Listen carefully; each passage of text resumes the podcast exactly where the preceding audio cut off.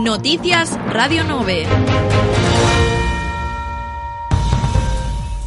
Comenzamos, señoras e señores, este tempo de noticias aquí en Radio 9.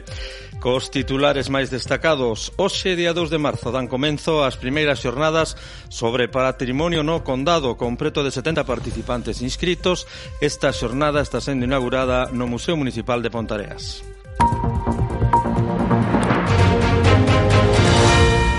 cruce de comunicados esta fin de semana en torno á execución de obras do Estado entre o equipo de goberno municipal BNG e PSOE. O alcalde de Pontareas, José Represas, informa da renovación de oito parques infantís cun investimento superior aos 95.000 euros. Un salón de actos totalmente cheo, alcalde de Mondariz, Xosé Emilio Barros, asistía á presentación o pasado sábado no Casino de Vilasobroso do Traballo de toponimia local do arqueólogo Alberto Reboreda. tamén o sábado en torno ás 4 da tarde tiña lugar unha saída dos bombeiros de Pontareas cara a un local de comida para levar sito na rúa Doutor Fernández La Vega que sufriu un cortocircuito na freidora da súa cociña.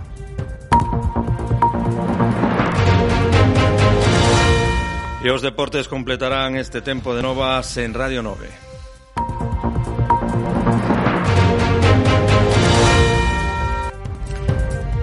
Ben, e comenzamos co desenvolvemento destes temas informativos. Nas primeiras xornadas sobre patrimonio do condado, con preto de 70 inscritos, foron inauguradas esta mesma mañá no Museo Municipal de Pontareas.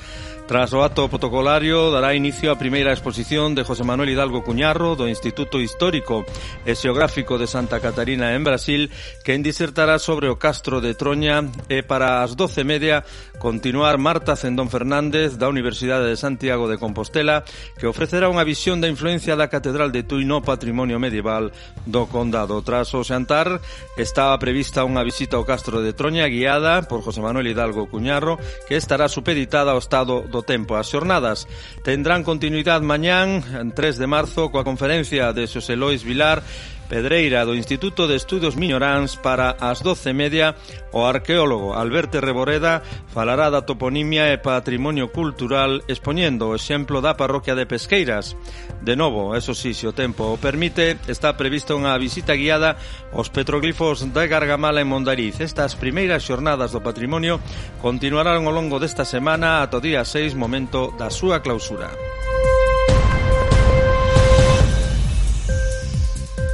E continuamos con máis información. Esta pasada fin de semana producías un cruce de comunicados entre o grupo de goberno municipal BNG e PSOE. O alcalde de Pontareas, José Represas, manifestaba a súa intención de solicitar que os plans de obras que o Goberno Central desenvolverá en Pontareas con respecto á circunvalación que se lle permita participar no seu desenvolvemento para controlar a boa execución do mesmo.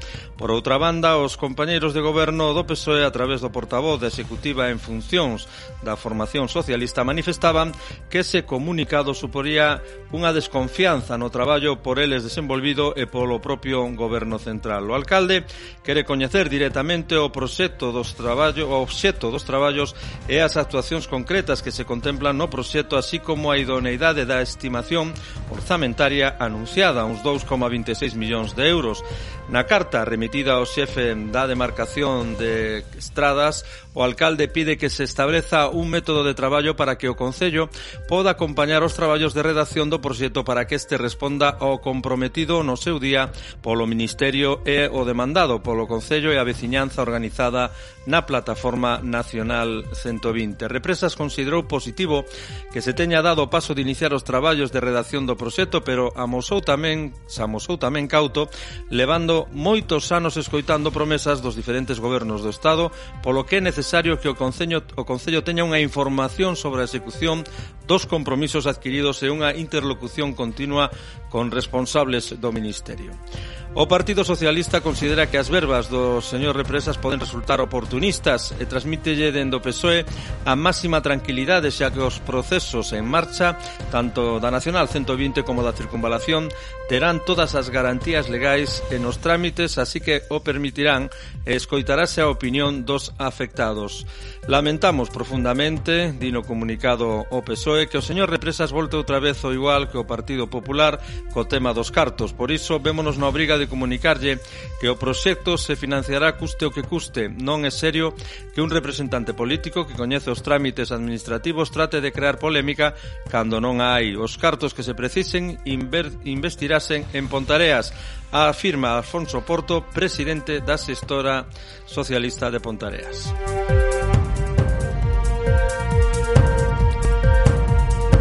E continuamos falando do Concello e de Inversións. O alcalde Xosé Represas informa que nestes días se está a proceder a renovación de oito áreas infantís do Concello de Pontareas no marco do Plan de Renovación de Parques Infantís Municipais iniciado xa na anterior legislatura.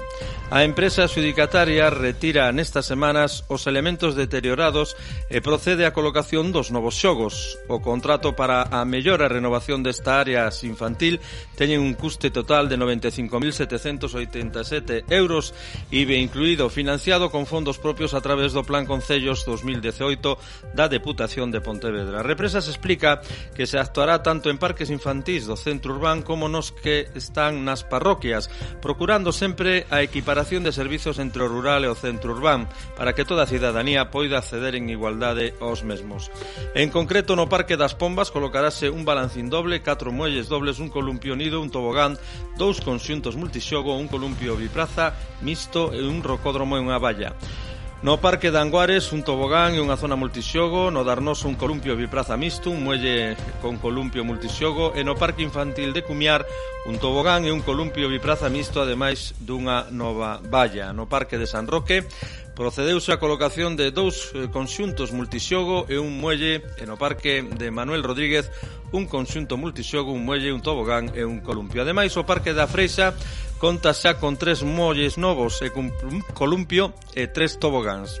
O Parque da Praza da Música tamén foi obxeto de renovación e na semana pasada colocáronse un conxunto multixogo e unha caseta. Todas estas actuacións permitirán ás familias contar con espazos renovados nos que as nenas e nenos poidan disfrutar de tempo para compartir xogos. Os diferentes elementos colocados dan coberturas diferentes idades infantís entre os 2 e os 12 anos. Represas explica que o seu goberno traballa en colaboración cos colectivos e veciñanza en xeral para que Pontareas sexa un fogar no que toda a cidadanía poida atopar cobertas as súas necesidades e executar infraestructuras de futuro planificadas.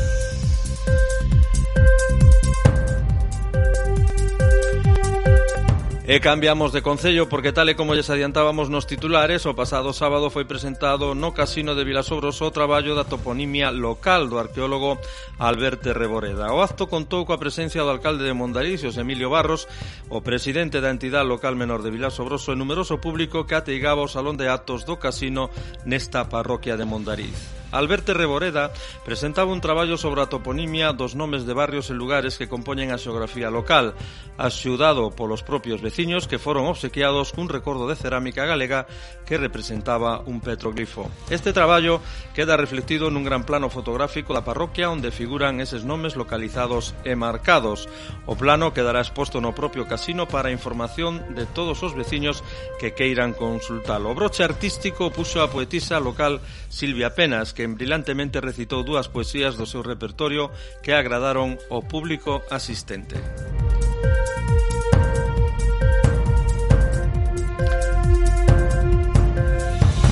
E pasamos a un pequeno suceso que tiña lugar o sábado en torno ás 4 da tarde nunha, bueno, salida dos bombeiros de Pontareas cara a un local de comida para levar sito na rúa Doutor Fernández La Vega, quen sufriu un corto circuito na freidora da súa cociña. Os veciños alarmados pola saída de fume pusieron en aviso os bombeiros que acudiron de inmediato e procederon a entrar no local que estaba ateigado de fume e revisar o seu interior. Ao final, según os propios bombeiros, o culpable foi unha freidora que produce un corto circuito efecto causante da grande cantidad de fume. Unha vez colocado un extractor de aire para desaloxalo, o local solamente se producirán daños materiais, xa que non estaba nadie no interior do mesmo. A anécdota da actuación causou no propio camión de bombeiros que ao chegar e coas prisas petou contra un turismo aparcado nas inmediacións do local sinestrado causándolle serios danos.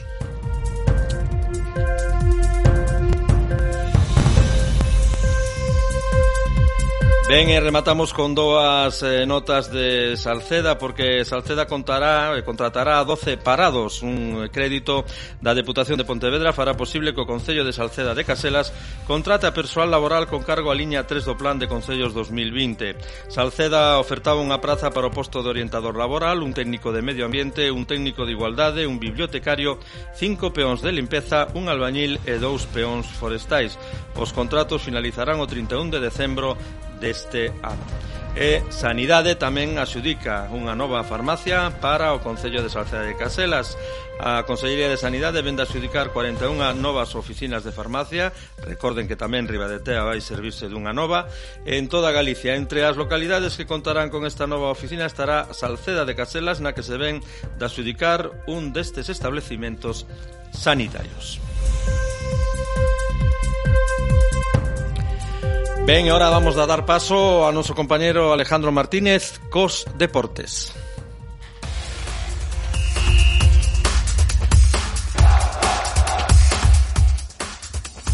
Bos días a todas e todos.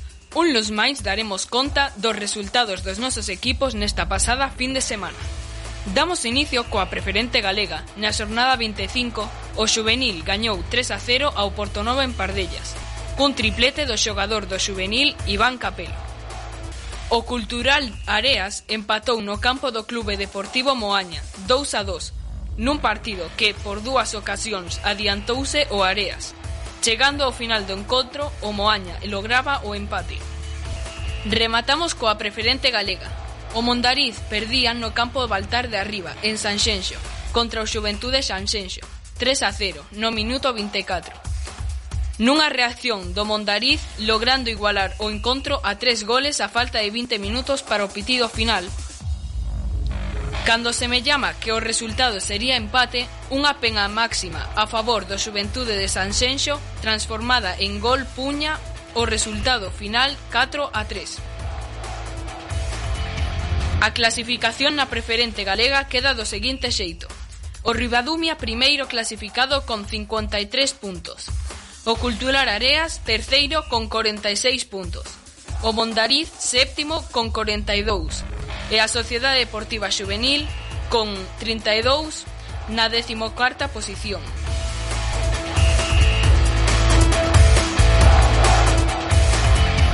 Pasamos agora á primeira galega. No campo da Bouza, en Ribadumia, o Umia gañou 2 a 1 ao Caselas, O Caselas desaproveitou unha oportunidade de empatar na clasificación no primeiro posto da tabla co Umia, que demostrou por que está no alto da clasificación. Animamos ao Caselas a seguir loitando, xa que quedan moitas xornadas por disputar. A clasificación queda deste xeito. Primeiro o Umia Clube de Fútbol con 54 puntos. Segundo o Caselas Fútbol Clube con 48 puntos. Rematamos coa segunda galega feminina. Na xornada 21, o Clube San Mateo gañou no seu campo ao Xuventude de Cambados por unha contundente derrota de 6 a 1. Un gran partido das nosas representantes locais que seguen na metade da táboa en oitava posición, con 34 puntos. A táboa está encabezada pola Sociedade de Chispa con 51 puntos. Ata aquí o resumo dos resultados nesta xornada dos nosos equipos comarcais. Un saúdo de Alejandro Martínez. Volverei o Benres para dar conta da seguinte xornada e todo o deporte en xeral da nosa comarca.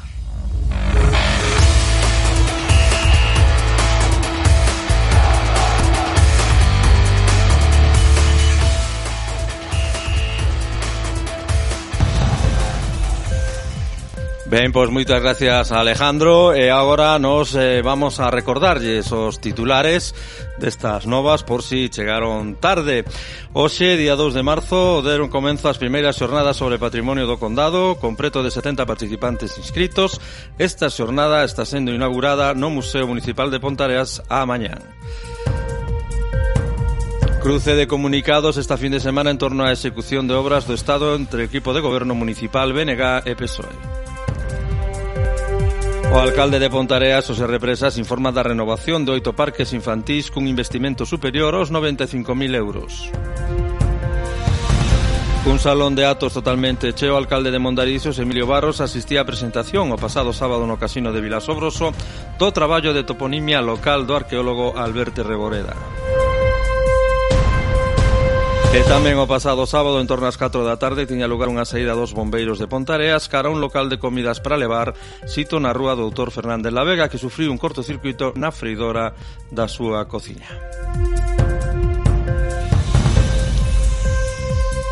Ben, eh, recordamoslle que poden escoitar estes informativos de radio 9 ás 12 do mediodía, ás 2, 5, 7 da tarde e recorden tamén que ás 9 da noite se repite o programa Aquí estamos con todo o seu contido habitual.